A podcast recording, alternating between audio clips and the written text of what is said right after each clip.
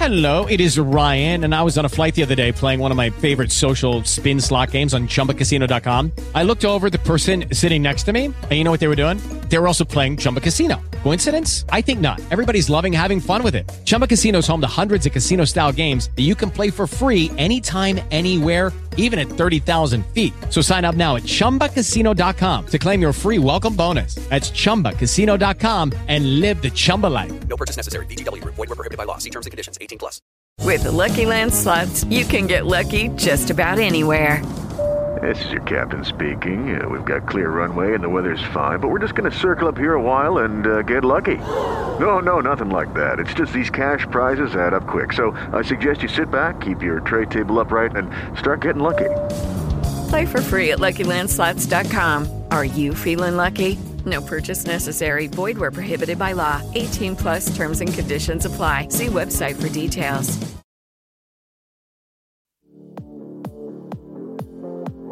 Rap Ràdio presenta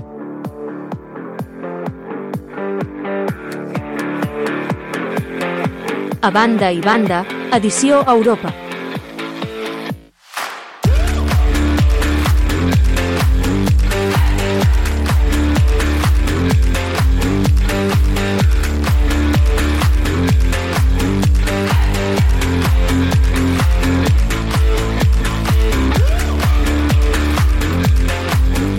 Benvinguts, benvingudes. Això és A Banda i Banda, edició Europa, el programa que connecta Catalunya i el món. Des dels estudis de Radio Amèrica Barcelona per a tots els catalans i les catalanes de l'exterior. El meu nom és Caral Àries i ja ho sabeu que avui dijous és l'últim programa de la setmana que fem de la banda i banda edició Europa. Ja ho sabeu, la tarda fem l'edició Amèrica de 4 a 5 de la tarda hora catalana però demà no s'acaba aquí perquè tenim moltíssima programació a RAP i demà doncs, a la mateixa hora tindrà lloc el programa de Pensa Veus compartides amb la Míriam Aimamí des de Mèxic però ja ho sabeu que sempre m'agrada començar el programa parlant de coses que estiguin passant de l'actualitat aquí a Catalunya, però en aquest cas també ens hem d'anar una mica amb la mirada cap a Europa perquè el Tribunal Europeu de Drets Humans ha rebutjat el recurs de l'expresident Artur Mas per les informacions publicades al diari El Mundo que l'acusaven de cobrar comissions i dipositar-les en comptes a Suïssa. El Tribunal amb seu a Estrasburg considera que el fet que Mas optés només per la via penal per denunciar aquests fets el van privar de la possibilitat de reparar la vulneració i aquesta opció va limitar l'abast d'avaluació dels tribunals espanyols. El demandant no ha pogut mostrar que l'Estat no l'hagi sofert suficient protecció i que hi hagi, i que hi hagi hagut doncs, una vulneració una vulneració respecte a la seva reputació. Amb aquesta notícia en relació doncs, en el Tribunal Europeu de Drets Humans obrim el programa d'avui, 10 de novembre. M'agradaria que hagués sigut 11, perquè és molt maco dir 11 de l'11, però bé, 10 de l'11 tampoc no, no, és un, no és un mal número. Ja ho sabeu que a Ràdio Amèrica Barcelona podeu interactuar amb nosaltres a través de les nostres xarxes socials, a Twitter, Rap Oficial, Instagram i Facebook, Ràdio Amèrica Barcelona.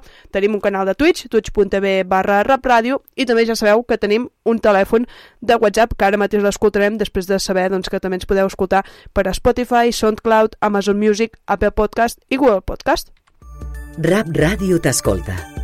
Fes-nos arribar les teves preguntes, reflexions i comentaris amb un missatge de veu al WhatsApp del 691 99 11 22. amb el 34 davant si ets a Amèrica. 691 99 11 22. Rap Ràdio t'escolta. I comencem ara sí repassant l'actualitat de Catalunya i parlem de política perquè el conseller d'Interior, Joan Ignasi Helena, ha acusat el PSC d'entrar en una escalada de deslleialtat en l'àmbit de la seguretat. Per sortir del pas a una interpel·lació, el diputat del PSC Units, Ramon Esper Esperader, eh, ha criticat doncs, aquesta deslleialtat del Departament d'Interior amb l'Ajuntament de Barcelona.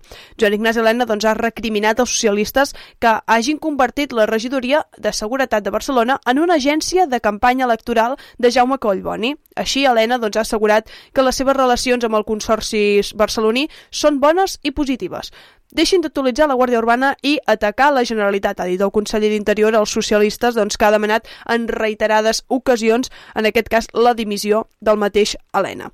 I parlem del Departament de Justícia perquè ha concedit a l'expresident del Palau de la Música, Fèlix Millet, el tercer grau penitenciari. Al febrer, el jutjat de la Vigilància Penitenciària va rebutjar un recurs de Millet contra la seva classificació en segon grau, recurs on apel·lava doncs, raons de salut, humanitàries i de dignitat. Ara que ja té 86 anys i pateix justament una malaltia greu. No obstant, els graus penitenciaris s'avalen cada 6 mesos i ara, dos anys i 4 mesos després d'ingressar a presó i d'haver complert una quarta part de la condemna, el Departament de Justícia l'ha concedit per motiu de malaltia incurable. Segons ha pogut confirmar l'escena amb fonts penitenciàries, ens han explicat que Millet està ingressat a l'Hospital Penitenciari de Terrassa. I parlem de successos perquè justament els bombers de la Generalitat han donat per controlat un incendi eh, d'una depuradora del Prat de Llobregat, a la comarca del Baix Llobregat, on segons han informat el cos d'emergències ha sigut a conseqüència d'aquesta millora de la situació del pla d'emergències pel risc químic del pla, pla Quescat, que doncs, ha passat en una fase d'emergència a alerta i ha aixecat el confinament de 500 metres al voltant que hi havia de la depuradora. Els bombers continuen treballant en aquesta zona amb 12 dotacions inundant d'escuma doncs, la zona afectada afectada per aquest incendi per evitar les revifalles. L'Agència Catalana de l'Aigua ha informat de, de la possible afectació a la qualitat de l'aigua en el tram final del riu Llobregat i també en les platges del Plat. Això, però, no afecta el subministrament de l'aigua de boca que hi podria haver-hi. I canviem ara de, de qüestió, parlem de societat i ens anem d'anar cap a l'alta muntanya. Per què? Doncs perquè, com passa a molts pobles, la Nou del Berguedà perd habitants. Amb 170 veïns, està lluny del mig miler on residien doncs, justament a principis del segle passat, el poble no té escola ni cap botiga. Tampoc hi ha fibra òptica i des de la pandèmia no tenen metge. L'alcalde de la Nou del Berguedà, Josep Maria Paixó, ha dit que només reclamen els serveis bàsics per tenir una qualitat de vida. L'escoltem. El mínim bàsic de serveis. I això, els mínims bàsics de serveis no tenim. Transport públic, tots, ara que amb el tema del canvi climàtic, tot allò, bon, hem de mirar de treure el CO2, tota la mandanga, no crevar carboni, però clar, és que, bueno, és que no hi ha, no, no disposem. Te l'has d'inventar, el del tema taxi, per poder fer aquest transport. Ens agradaria que fos cada dia, però clar, això ja es dispara i evidentment no podrem assolir-ho ni tens poc que t'ajudaran. Llavors dius, bueno, doncs, eh, què passa? No reivindiquem més que els altres, sinó senzillament el mínim per poder-nos mantenir que la gent que estigui aquí pugui viure en tranquil·litat i bé. És l'únic que demanem. I això és qualitat de vida. Per això també lamenta doncs, que aquest territori se sent abandonat per l'administració a nivell polític. Tot és dir doncs, que diuen que lluitaran per aquest territori, el que tindran en compte, però també diuen doncs, que el territori no arriba aquí dalt del tot eh, com ells els hi agradaria. I nosaltres, doncs, ja ho sabeu, que tanquem les notícies d'actualitat de Catalunya parlant de cultura, perquè la institució de les lletres catalanes ha retut homenatge a Narcís Comadira com amb motiu del seu 80è aniversari del poeta gironí. La directora de l'ILC i Cascun Arretxe ha destacat doncs, que l'aniversari de Comadira se celebra amb un passat esplendorós que recull la tradició poètica de Foix, de Carner, de Carreter. L'acte va comptar amb diverses, amb diverses accions, amb, divers, amb diferents peces interpretades per al violoncel·lista Gavi Cabestany i la poes, poesia de Comadira que ell mateix doncs, va recitar. I tanquem les notícies de cultura també parlant d'un altre poeta, en aquest cas del de Roda, de Miquel Martí Pol, perquè ja s'han donat doncs, els cinc finalistes d'aquest 15è Premi Miquel Martí Pol, que són l'Anna Andreu, el Carles Dènia, la Cris Juanico, el Daniel López i l'Arnau Ubiols, segons ha informat doncs, aquest dimecres els representants d'aquest certamen. Els finalistes s'han triat d'entre les 440 cançons publicades en qualsevol format aquest darrer any i entre els temes inèdits presentats a concurs. El Premi Miquel Martí Pol s'atorga anualment a la millor poesia musicada en català publicada en aquest darrer any, el període de 12 de setembre del 2021 fins al 11 de setembre del 2022. I entre les composicions inèdiques presentades al Saler de Batllac, que és on organitzen doncs, aquests guardons. El verdicte, però, ens haurem d'esperar d'aquí uns dies, justament d'aquí 5 dies, el 15 de novembre, que es farà un acte amb la seu de la, uh, de la CG a Barcelona. Per tant, ens haurem d'esperar 5 dies per saber quins han sigut els guanyadors d'aquest 15è premi Miquel Martí Pol a la millor música musicada d'aquest poeta. I Ara sí, eh, ja ho sabeu que aquesta setmana doncs, s'estan doncs, reunint a, a Barcelona els delegats del govern de la Generalitat per fer doncs, aquest canvi de conselleria eh, que ara doncs, la, estarà al capdavant la consellera Meritxell Serret, i ha tingut el plaer de poder comptar amb alguns d'ells aquí a l'estudi de Ràdio Amèrica Barcelona. La meva estimada eh, companya, la Maria Lesnichevski, va parlar dimarts amb el delegat del govern a Itàlia, el senyor Luca Belisi. Escoltem el que li comentava. La República Italiana té més de 59 milions d'habitants, la seva capital és la vella Roma. El seu sistema polític es caracteritza per ser una república parlamentària. Justament el Parlament està format per la Cambra dels Diputats i per el Senat de la República. Lucas Bellisi és el delegat del govern a Itàlia, és doctor en Ciències Polítiques per la Universitat degli Studi di Milano, delegat del govern de la Generalitat a Itàlia des de el 2015 fins al 2017.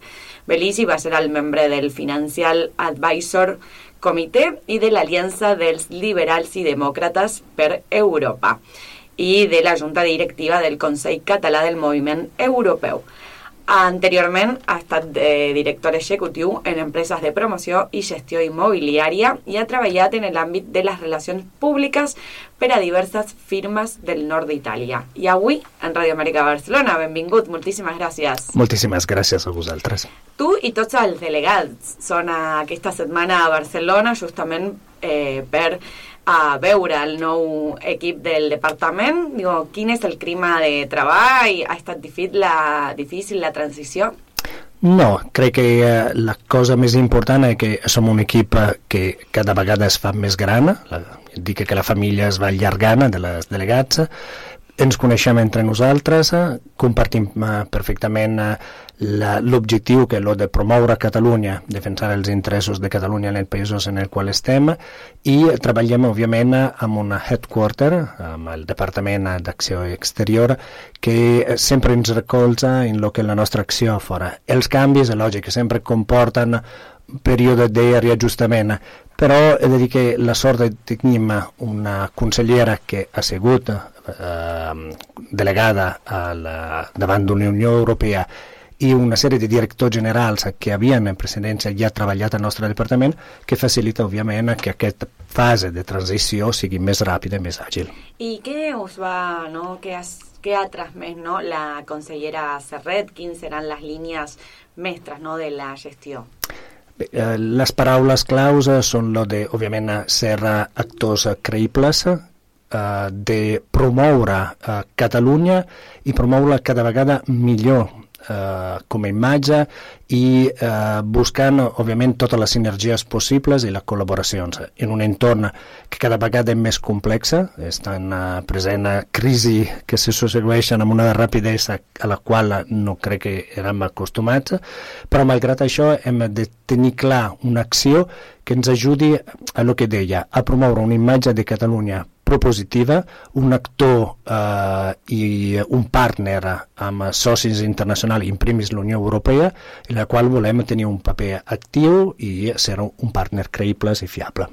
Ja hem parlat d'aquest viatge, ara anem cap a Itàlia, digo, és un soci molt important per Catalunya, parlem no del Mediterrani, eh, en l'àmbit comercial i cultural, en quin estat estem?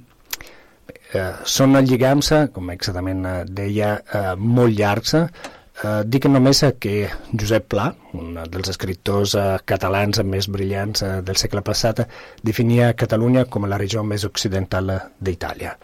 I efectivament és així, ens uneixen lligams culturals, econòmics, diria també sentimentals. És suficient veure la, la nombrosa comunitat italiana aquí a Barcelona i eh, també molta.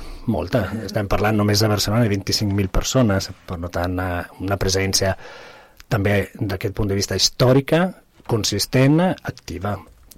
I eh, Itàlia és sense dubte un partner important tant d'un punt de vista econòmic, el tercer país eh, per a, números en temes d'exportacions, d'inversió directa estrangera i també és el tercer, el tercer idioma, l'italià, en la qual es tradueix el major número de llibres catalans eh, traduïts en eh, llengües estrangeres. Justament vas a parlar de les llengües de l'italià, del català. Eh, hi ha altres llengües minoritzades a Itàlia, però el català té un cert protagonisme a Itàlia. Com és això? És gràcies a, a la ciutat de l'Alguer, en la part nord-oest de, la, de la Sardenya, una illa que ha mantingut, una illa cultural dins una illa geogràfica, que ha mantingut un fort lligam històric, cultural i lingüístic amb Catalunya. Són 40.000 persones en la qual encara hi viu l'ús de la catalana en la versió algaresa eh, raó per la qual la nostra delegació té una oficina destacada a la ciutat de l'Alguer exactament per ajudar les institucions municipals, les institucions locals i tota la xarxa d'entitats que tenen com a objectiu la defensa i la promoció de la llengua catalana a la ciutat de l'Alguer. I ara sí, anem cap a la delegació, a la feina del dia a dia.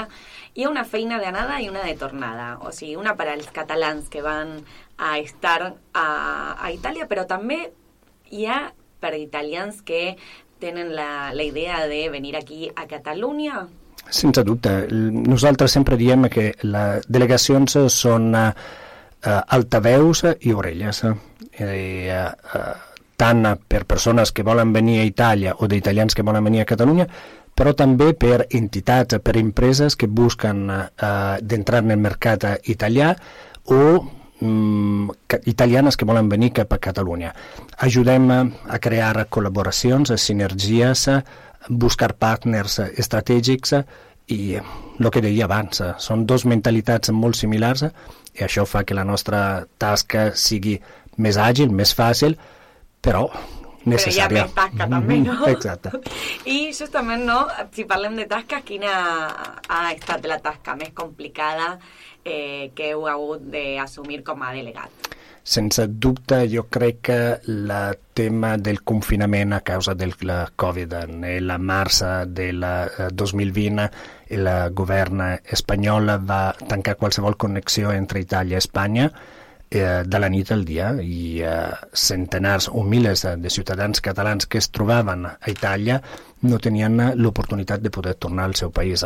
Eren uh, escoles que estaven en excursió a Itàlia, uh, turistes, gent gran, familiars que havien vingut a visitar uh, familiars a Itàlia, estudiant Erasmus, i de cop i volta s'han trobat sense la possibilitat i l'ajuda moltes vegades per poder tornar, raó per la qual s'han posat en contacte amb la delegació que amb pocs recursos, amb molta voluntat, hem ofert primer de tot assistència no voldria dir psicològica, però, però suport sí. moral però sí. i ajuda a identificar les maneres més àgils per poder tornar a, a casa.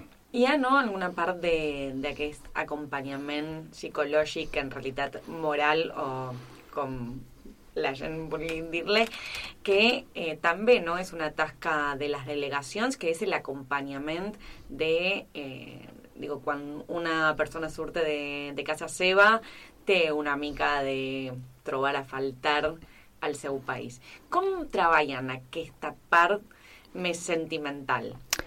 Hi ha una primera fase que la exactament d'ajudar a entrar en un país eh, que pot semblar fàcil perquè culturalment és molt similar, però amb moltes complicacions burocràtiques. Per tant, ens posem a disposició eh, per indicar tot el que poden ser eh, la informació bàsica per venir a estudiar o a treballar eh, a Catalunya.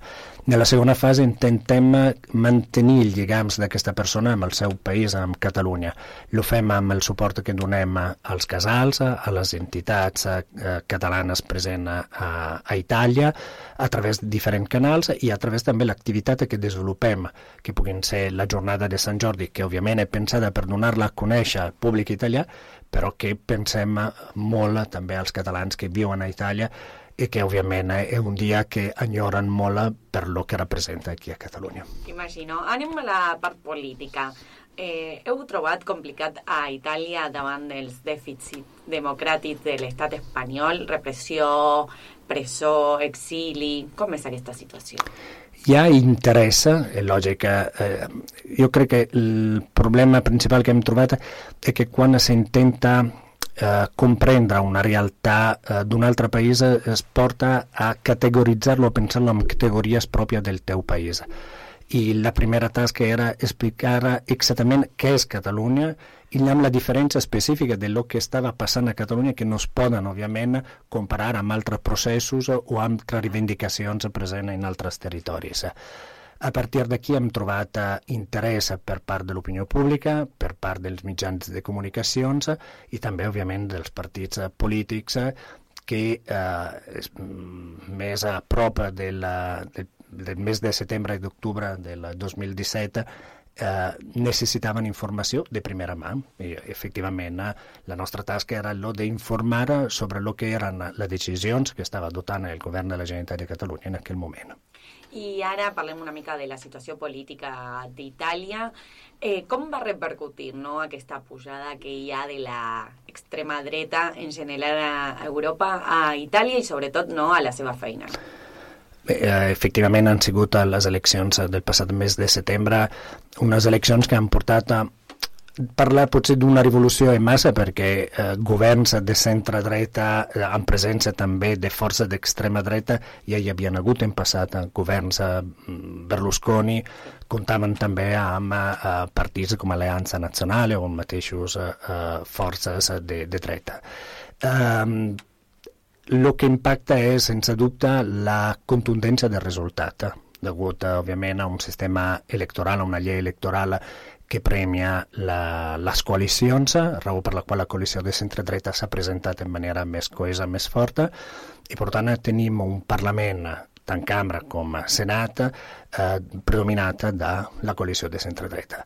Nel nostre cas, nosaltres com delegació seguim la nostra tasca de promoció de Catalunya en els àmbits sectorials reconeguda per l'Estatut d'Autonomia de Catalunya i seguim en la col·laboració que hem establert profitosament amb el que són els governs regionals Uh, nel mes de juliol vam subscriure un memorandum d'understanding con la regione Emilia-Romagna, una de les regions més dinàmica uh, d'Itàlia, eh, seguim col·laborant amb regions dinàmiques eh, d'un punt de vista econòmic com la Lombardia estem treballant a d'altres memoràndums d'entesa amb altres regions, com per exemple la regió de Campanya o altres regions eh, d'Itàlia, que comparteixen amb nosaltres eh, àrees eh, geogràfiques, geoestratègiques i sectors econòmics prioritari. I ara sí, eh, anem tancant, però uh, com és aquesta relació entre la comunitat catalana de Roma i d'Itàlia eh, i la delegació? Nosaltres, eh, des del primer moment, sempre hem dit que la delegació havia de ser una eina eh, a la seva disposició. En aquest eh, sentit, hem anat col·laborant amb ells en moltes iniciatives. Eh, és, sense dubte, una comunitat molt activa.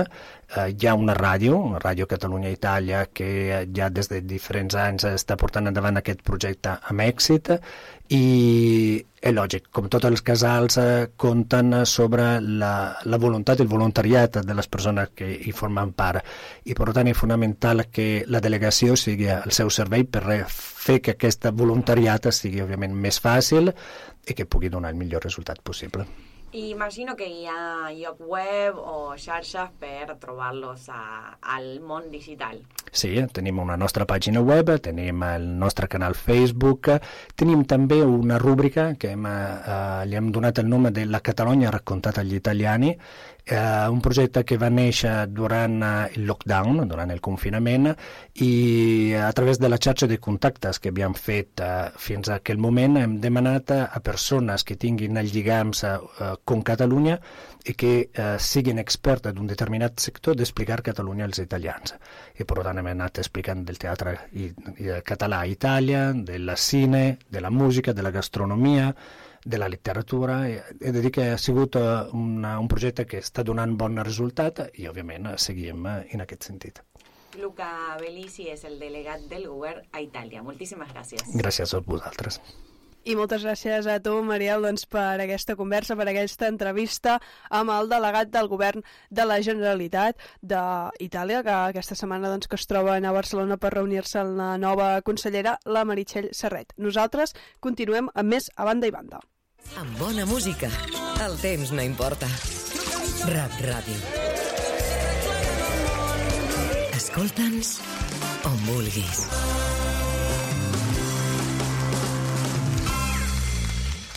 I mentre esperem que es connecti el nostre proper convidat, dir-vos també doncs, que ja ho sabeu que el Barça doncs, ha partit la baixa d'un dels millors centrals que té, que és Gerard Piqué, i justament ahir va poder tenir una conversa eh, via Twitch, justament via la plataforma on nosaltres també estem en directe, ja ho sabeu, va tenir una conversa amb l'Ibai i eh, Gerard Piqué doncs, va comentar certes coses, certs temes doncs, que també ens, uh, ens agraden, també són temes de, de salseo, com se'n diria doncs, en, aquest, en aquest món jove, i és justament que un dels punts doncs, que més va cridar l'atenció és el fet de que se l'expulsés en l'últim partit seu de la Lliga, en aquest cas contra l'Ossassuna. Se'l va expulsar justament, va ser en el descans, i l'àrbitre va dir que el motiu per al qual va ser que li havia insultat, no?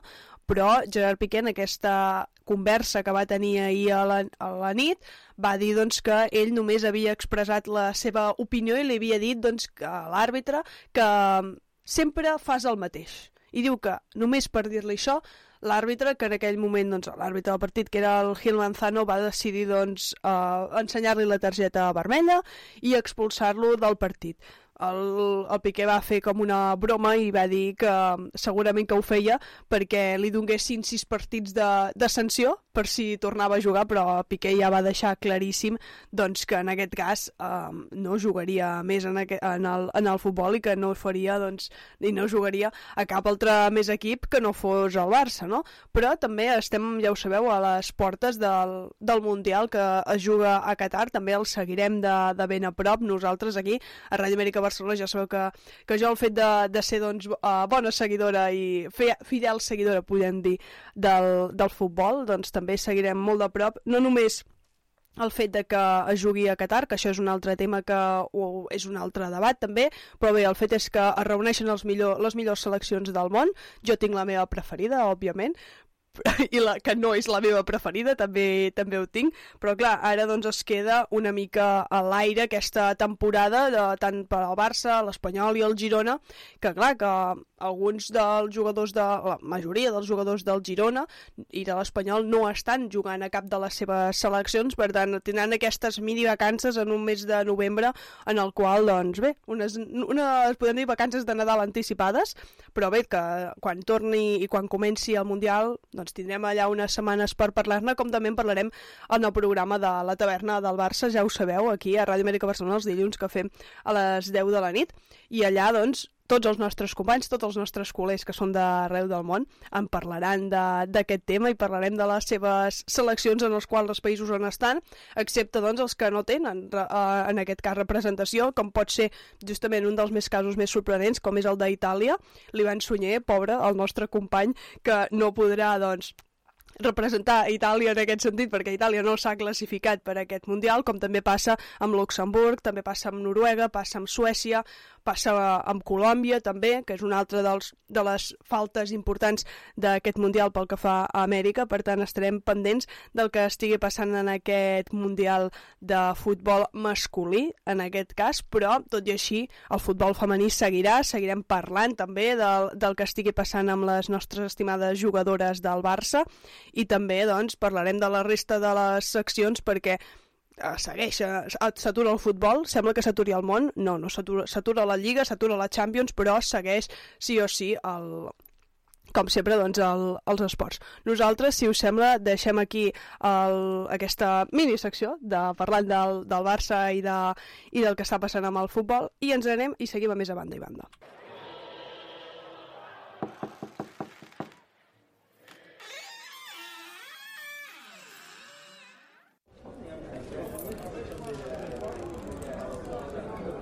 Hola, sóc la Caral Àries i et vull recordar que cada dilluns a les 22 hora catalana tenim taula reservada a la taverna del Barça. Una hora de conversa, de polèmica i de debat sobre el millor club amb culers d'arreu del món. Tothom hi és convidat. T'hi espero el proper dilluns a les 10 de la nit, hora catalana, a rap.cat.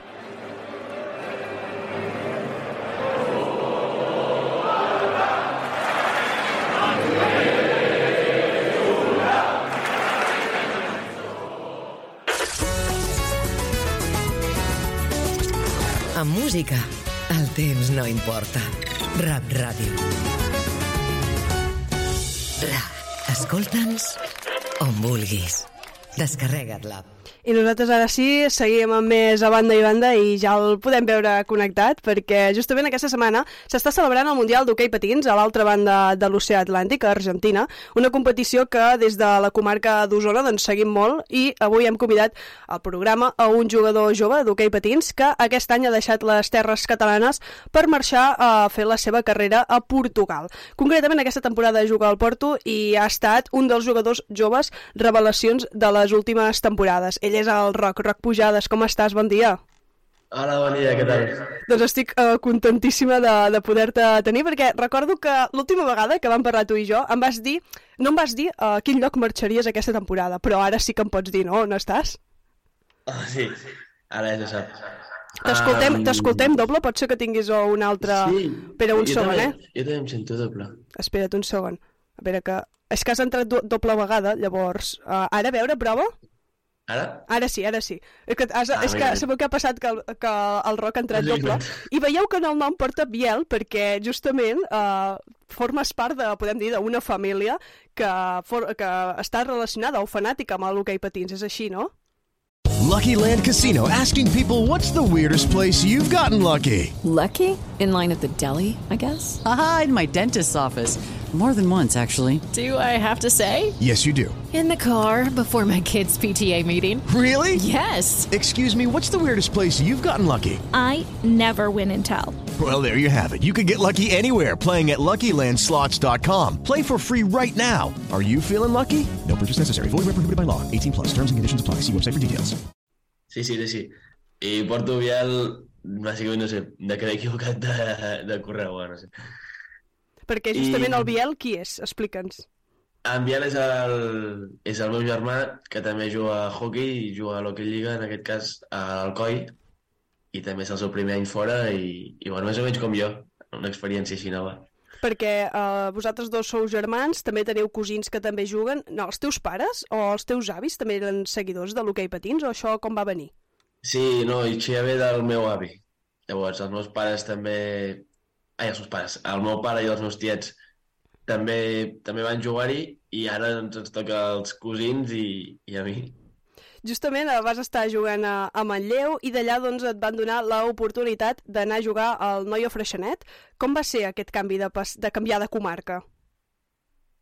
Uh, jo recordo com un canvi bastant bastant gran en el sentit de que em va costar una mica doncs, no sé, adapt... més que res de jugar amb els amics.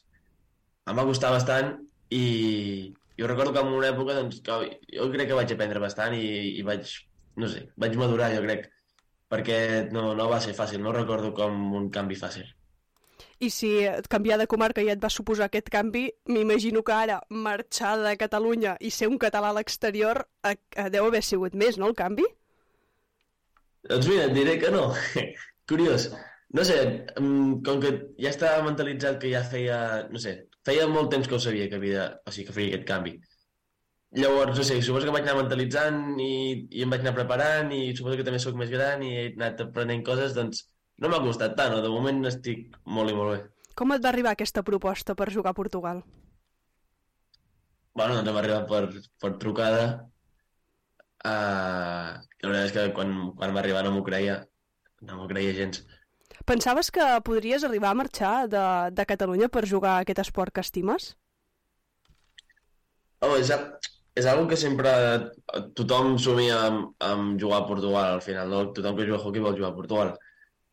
Però que m'arribaria amb un club com el Porto i amb 20 anys, doncs ni els meus millors somnis m'ho hagués imaginat.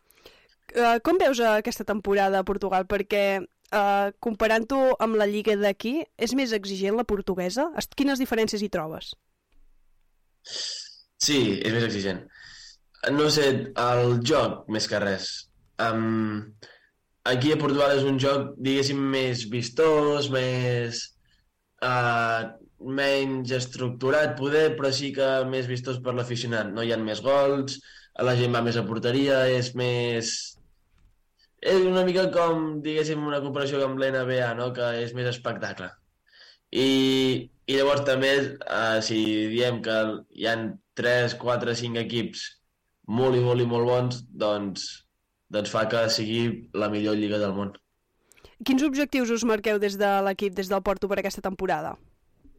Guanyar-ho tot. El, el Porto, tot el que no sigui guanyar, doncs...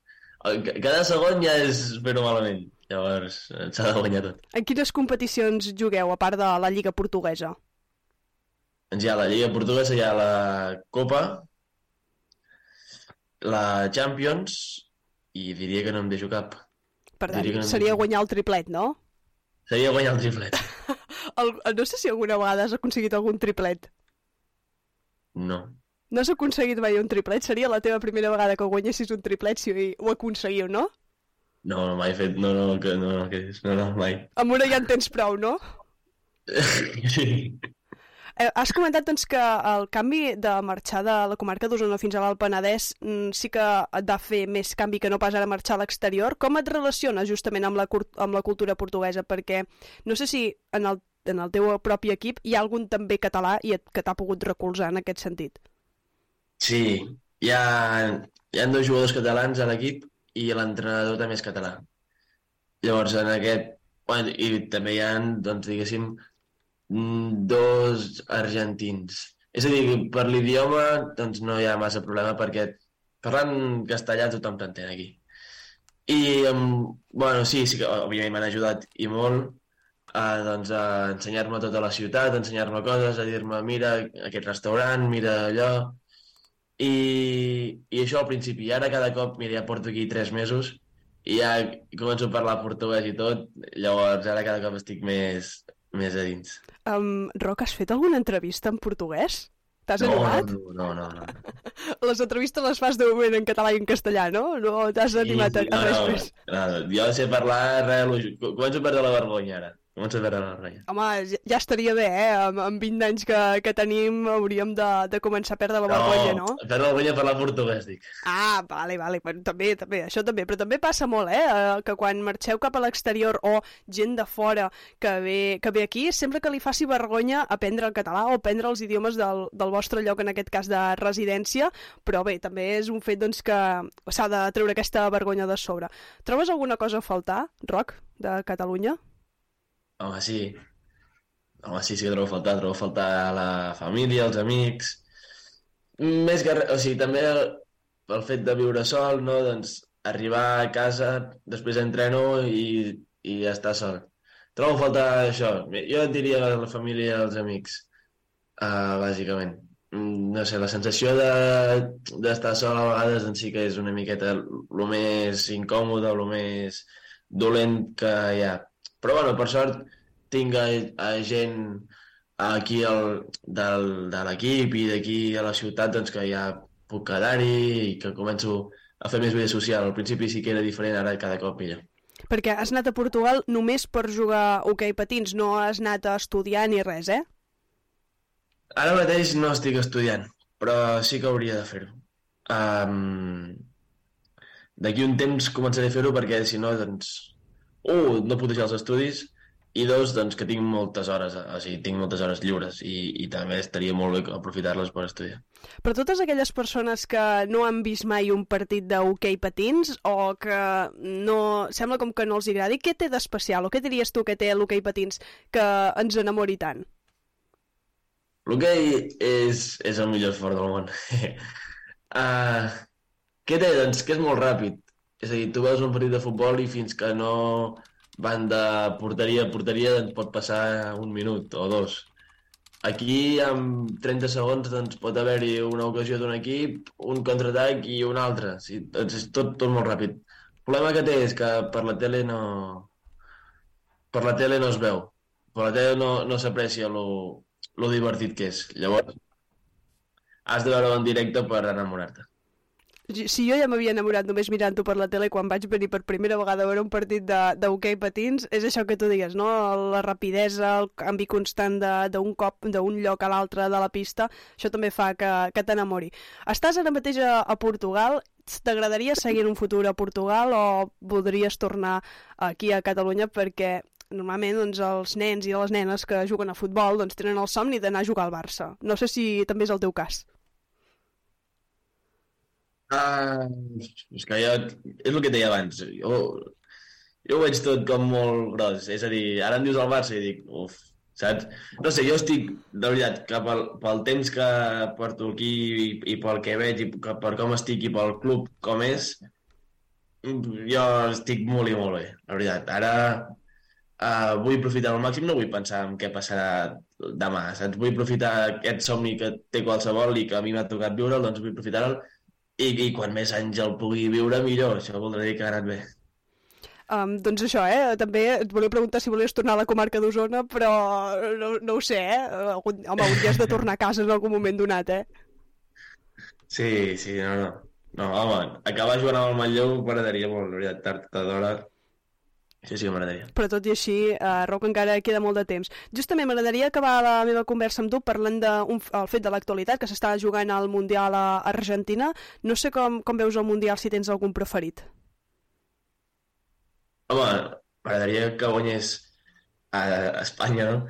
Però uh, el problema és que com que és Argentina i a aquestes hores costa de seguir-lo, perquè juguen molt tard i així sí que l'endemà veig els resums i algun partit sí que he vist, però costa de seguir-lo. Llavors, ara que venen, no sé si avui ja comencen o demà, els quarts de final i així intentaré seguir-ho més, però fins ara no he estat gaire connectat. Justament el, el Roc ha dit la selecció espanyola, però la majoria dels jugadors són de la, són de la nostra terra, són catalans, i justament una d'elles és de la nostra comarca, l'Anna Casarramona, que li enviem una abraçada des d'aquí.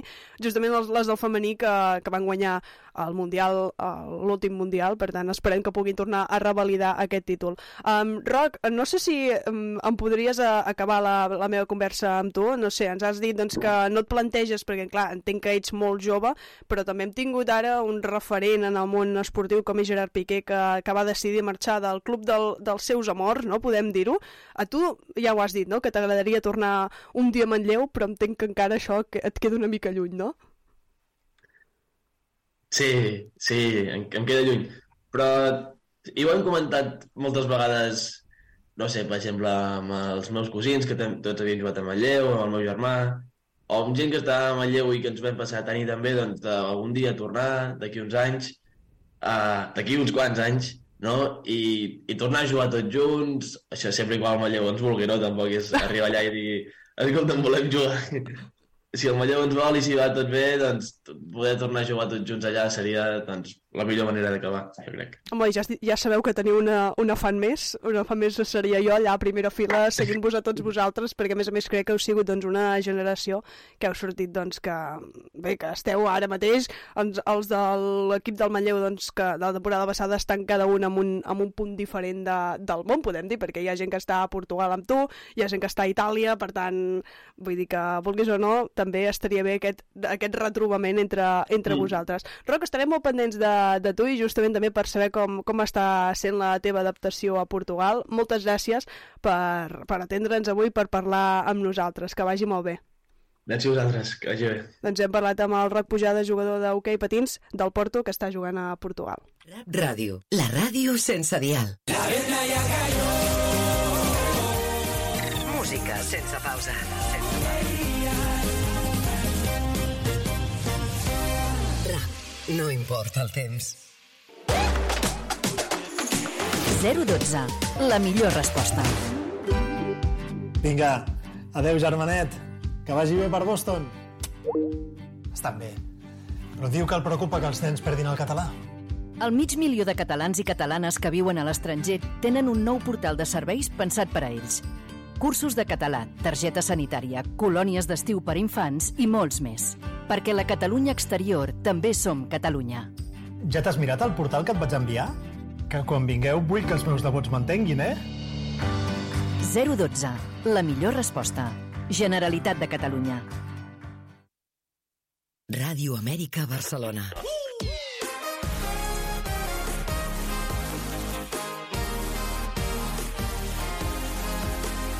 Rap. Música sense pausa.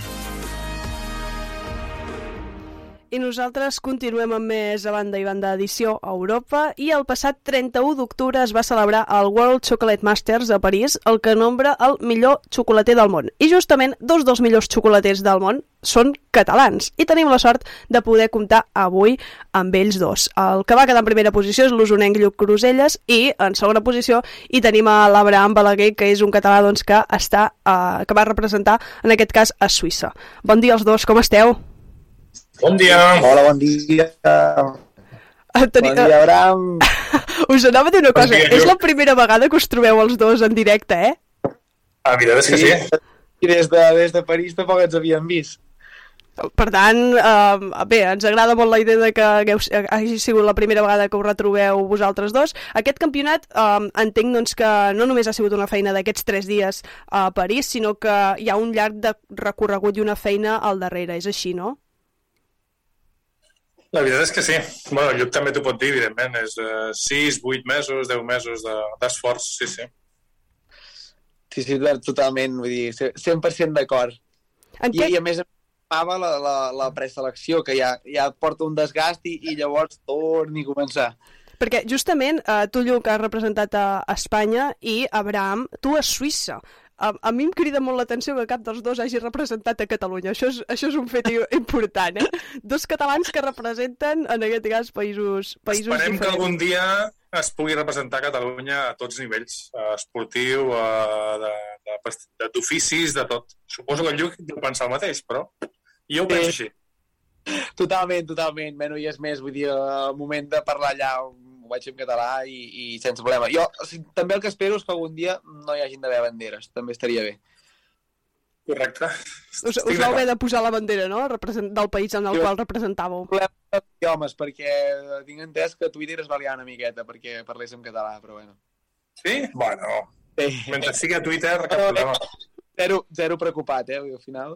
Nosaltres ens vam alegrar moltíssim d'escoltar el teu discurs en català i el vam escoltar aquí a la ràdio, per tant, no hi ha cap mena de, de problema. Eh, eh, Expliqueu-nos una mica en què consistia aquest campionat, perquè crec que no només va ser una prova, sinó que en van ser unes quantes, eh? Uh, tu mateix, Lluc, explica tu. Sí. Bueno, constava de sis proves, uh, jo crec que set o fins i tot vuit eren, perquè jo crec que el dia zero, el dia de descàrrega, ja, ja era la primera prova, quasi bé. Uh, I llavors ja passàvem a, les proves reals del concurs, que eren sis proves, dos, dos per dia, i constava d'una escultura gran uh, i un petit fur, bueno, no sabia com qualificar el, el, la prova del, del primer dia de degustació. El segon dia hi havia un postre i, i bombó, i l'últim dia hi havia una escultura petita i, i, i un snack, que també era una versió així rara, però en resum era un snack. Uh, Lluc, una de les escultures que, que vas fer va ser un elefant, que no, ningú t'ho ha preguntat, uh, perquè vam estar parlant, ningú t'ha preguntat per, per l'elefant. Um, tu, Abraham, quina escultura vas fer de gran? Jo vaig intentar, no la vaig poder acabar perquè vaig tindre diferents problemes tècnics, però la, el que jo volia representar era que la gent veiés, eh, que s'imaginés que estava dintre d'un d'una d'una casa de, dels Alps, dels Alps suïssos, i el que veia el paisatge... O sigui, vaig representar un paisatge suís amb les muntanyes, les vaques, els pins, eh, bueno, una mica el que ens imaginaríem com a un paisatge d'alta muntanya. I com que és passa que- que no vaig poder-la acabar. I justament això, Però per, per què no ho vas poder finalitzar? perquè la- l'altra prova, com deia el Lluc, de, de, no sé ben bé què ha dit, si era un, no, un snack, no, un petit, petit. food, bueno, la primera prova, jo no la vaig preparar com Déu mana, llavors vaig dedicar massa temps a això i no vaig poder acabar la- l'escultura de xocolata. Són coses que passen al directe. Us imposa la idea de que sigueu els millors xocolaters del món? Bueno, Lluc, això ell. això ell. No, no, jo tampoc. Vull dir, al final, jo crec que això és un concurs i, i, i per mi, uh, millors xocolates del món n'hi ha molts i un també a casa nostra que es diu Ramon Morató i, i crec que això són paraules, uh, són paraules majors, però evidentment és un concurs. El concurs té aquest eh, títol o aquest nom, però, però això no significa que ho sigui, sinó que has guanyat aquest, aquest concurs. Per tant, uh, jo aquesta paraula la sento com molt grossa. Um, Abraham, en el, teu, en el teu cas, el Lluc sí que es- està encara a la comarca d'Osona, però tu el 2018 te'n vas anar a viure a Suïssa i treballes en un negoci pastisser entre Lausana i Ginebra. Com, com va ser aquesta decisió? Com ha anat tot plegat? Bueno, uh, com ja sabreu, bueno, és que el Lluc té una edat i en tinc una altra, i com aquell qui diu, podria ser el meu fill, però jo en tinc 44, em vaig fer el 4 de novembre, i després d'haver tingut una botiga a Girona i un negoci eh, amb la meva dona durant 10-11 anys, al final, per coses de, de l'economia, tot plegat, va, es va complicar una mica, i després de 10-11 anys hem decidit tancar, vaig tornar a treballar al celler de Can Roca, que ja havia treballat abans, i després vam tindre la possibilitat de, de provar fortuna aquí i vam pensar que seria millor a nivell de, econòmic, a nivell d'oportunitats, eh, tot. Si compara Suïssa i Espanya, per mi no té comparació. Té els seus hàndicaps una mica quan arribes, però vam preferir eh, fer el pas perquè bueno, veiem moltes més possibilitats de cara a nosaltres com de cara al nostre fill petit que té 7 anys. Vull dir que... Sí, sí. La xocolata, d'on us neix aquesta passió també per la xocolata i la pastisseria? Uh, no sé si us ve d'herència familiar o quin és el, quina, com, va, com vau endinsar-vos en aquest món? Primer tu, Lluc. Jo en aquest cas, uh, no, bé, uh, jo tinc uh, un cosí que té un restaurant i va ser potser la, la, la llavor que va fer interessar-me pel món de la gastronomia, però jo va ser, bueno, doncs en aquell moment que el meu cosí m'embarrava, a mi m'agradava, jo tenia 17 anys, jo volia ser estilista, i, eh, i vaig dir, bueno, doncs va, vinc, jo estava treballant a Can Joany, vaig anar a passar un estiu allà, i va ser on em van ficar la partida de postres, suposo que era com, bueno, no sé, bueno, ves aquí amb els postres, ajudar a fer el que puguis, i em va agradar la pastisseria i va ser quan vaig decidir estudiar pastisseria, però no, no, ni eh, els pares ni, ni família propera són de la pastisseria. I en el teu cas, Abraham? Jo sí, eh, és, és tot el contrari que el Lluc. El meu pare era pastisser i nosaltres som quatre germans, tres pastissers. Llavors nosaltres genèticament ho portem, jo crec que ho portem a la sang. Per tant, no només has fet una competició uh, a, a nivell mundial, sinó també hi ha competició a casa teva per saber qui és el millor xocolater de casa? Sí, una mica com el Lluc. Això només van participar 18 països perquè el concurs està pensat així, però cada país va fer una selecció nacional. O sigui, va haver un concurs previ a 18 països per trobar el millor xocolater pastisser de cada país. I el Lluc va participar per Espanya i jo per Suïssa els dos vam guanyar i a partir d'aquí ens vam trobar tots a París els 18, però tothom va passar primer per un concurs eh, nacional de país. Itàlia, Alemanya, Holanda, Grècia, Japó... Ara, a partir d'aquest reconeixement i després d'aquest concurs, entenc que, que no deixareu la pastisseria, seguireu els dos vinculats, oi? Seguint fent la feina que feu fins ara? Home, això, evidentment, evidentment. I més el Lluc, evidentment. Totalment. Ara de concursos crec que no sé si serà l'últim, però pràcticament, perquè sí, ha estat d'orillo i, i bé, no sé, si més no, a curt termini, a nivell de concurs és una cosa que et treu molt temps a molta vida personal i, i que evidentment està molt bé, creixes molt, jo crec, i va molt bé per créixer tant professionalment com personalment, però, però un concurs d'aquesta envergadura també desgasta i, i ara per ara dedicar-ho 100% a la pastisseria, però sí, sí, l'ofici l'ofici no es pot deixar anar. I a més a més és un ofici també que hi heu posat molta, molta dedicació. Recordo, Lluc, que em comentaves doncs, que aquests darrers dos anys no has tingut gairebé vida social com aquell qui diu. Tu, Abraham, també has tingut aquest, aquesta poca vida, tot relacionat era amb, amb el que estaves fent?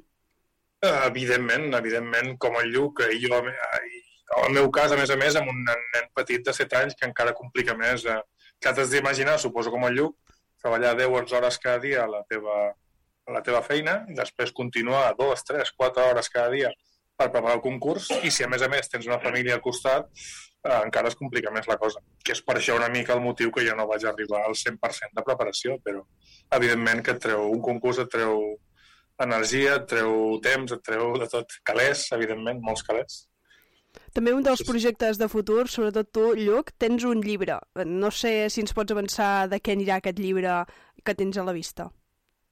Bé, és, és un llibre per, mm, evidentment, fer la feina que crec que hem de fer i molt sèriament, que és que, sobretot aquí a Espanya, que a Suïssa, França, Bèlgica, hi ha molta més cultura.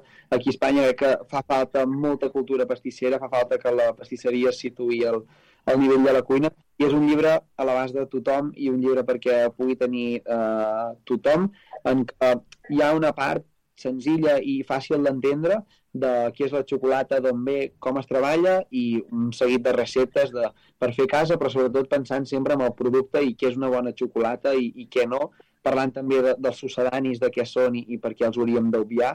I, I bé, just per fer pues, uh, això, no? la feina aquesta que crec que hem de fer que crec que els pastissers ens hem de sentir una mica amb la responsabilitat de fer més coses pel públic final i no tantes coses pel públic professional, perquè moltes vegades ens centrem a sí, em fa molta il·lusió sortir una revista de pastisseria, sí, però crec que és més important sortir una revista de, de peu de carrer i que la gent aprengui uh, realment què és bona pastisseria i perquè la gran polèmica que va aquest any, els panellets, per què tenen aquest preu? Doncs saber explicar per què tenen aquest preu. Abraham, una pregunta, ara que estàvem dient això dels panellets, uh, entenc que deus tenir els nostres catalans de Suïssa uh, pendents de, de tot el que vagis fent, no?, de gastronomia catalana en quant a pastisseria, panellets, torrons, etc. Sí, jo intento aquest any no, degut al concurs no ho he pogut fer, però l'any passat vaig fer coques de Sant Joan per 150 persones, que les vam enviar una mica per tota Suïssa, també vam fer panellets. Aquest any no he pogut fer res, però segurament de cada any que ve tornarem a fer les coques de Sant Joan. Eh, sí, sí, intento fer moltes coses a través del Centre Català de, de Lausanne perquè tothom pugui, els, suïs, els catalans que estan a Suïssa puguin seguir gaudint de les tradicions de la casa. Doncs uh, Lluc Cruselles i, i Abraham Balaguer, els dos millors xocolaters del món, hem tingut el plaer de poder parlar amb vosaltres. Moltíssimes gràcies als dos per acceptar la nostra trucada i ja ho sabeu, que vagi molt molt bé la xocolata, la pastisseria i esperem, esperem que algun dia doncs, ens podem trobar i, i podem provar algun dels, dels vostres productes perquè, Abraham, si li dones a tots els catalans de Suïssa, nosaltres també hem, teni, hem de tenir el mateix dret que, que ells, que també volem provar-ho tot, home. Doncs clar que sí, cap problema. Cap problema. Buscarem, buscarem la manera de fer-ho. Moltes gràcies per acompanyar-nos.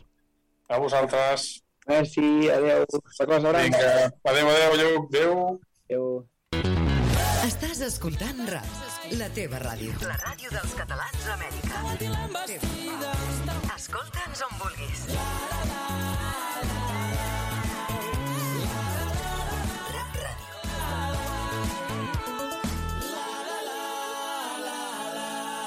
Descarrega't-la.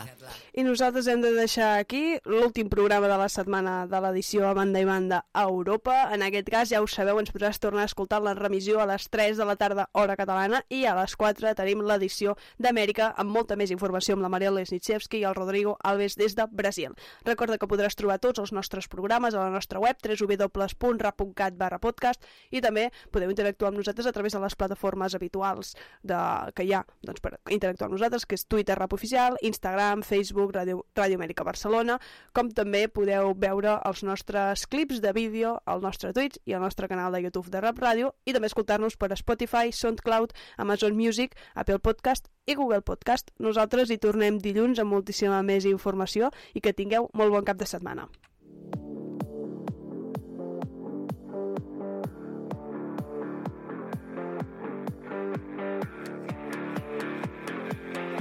A banda i banda, edició Europa.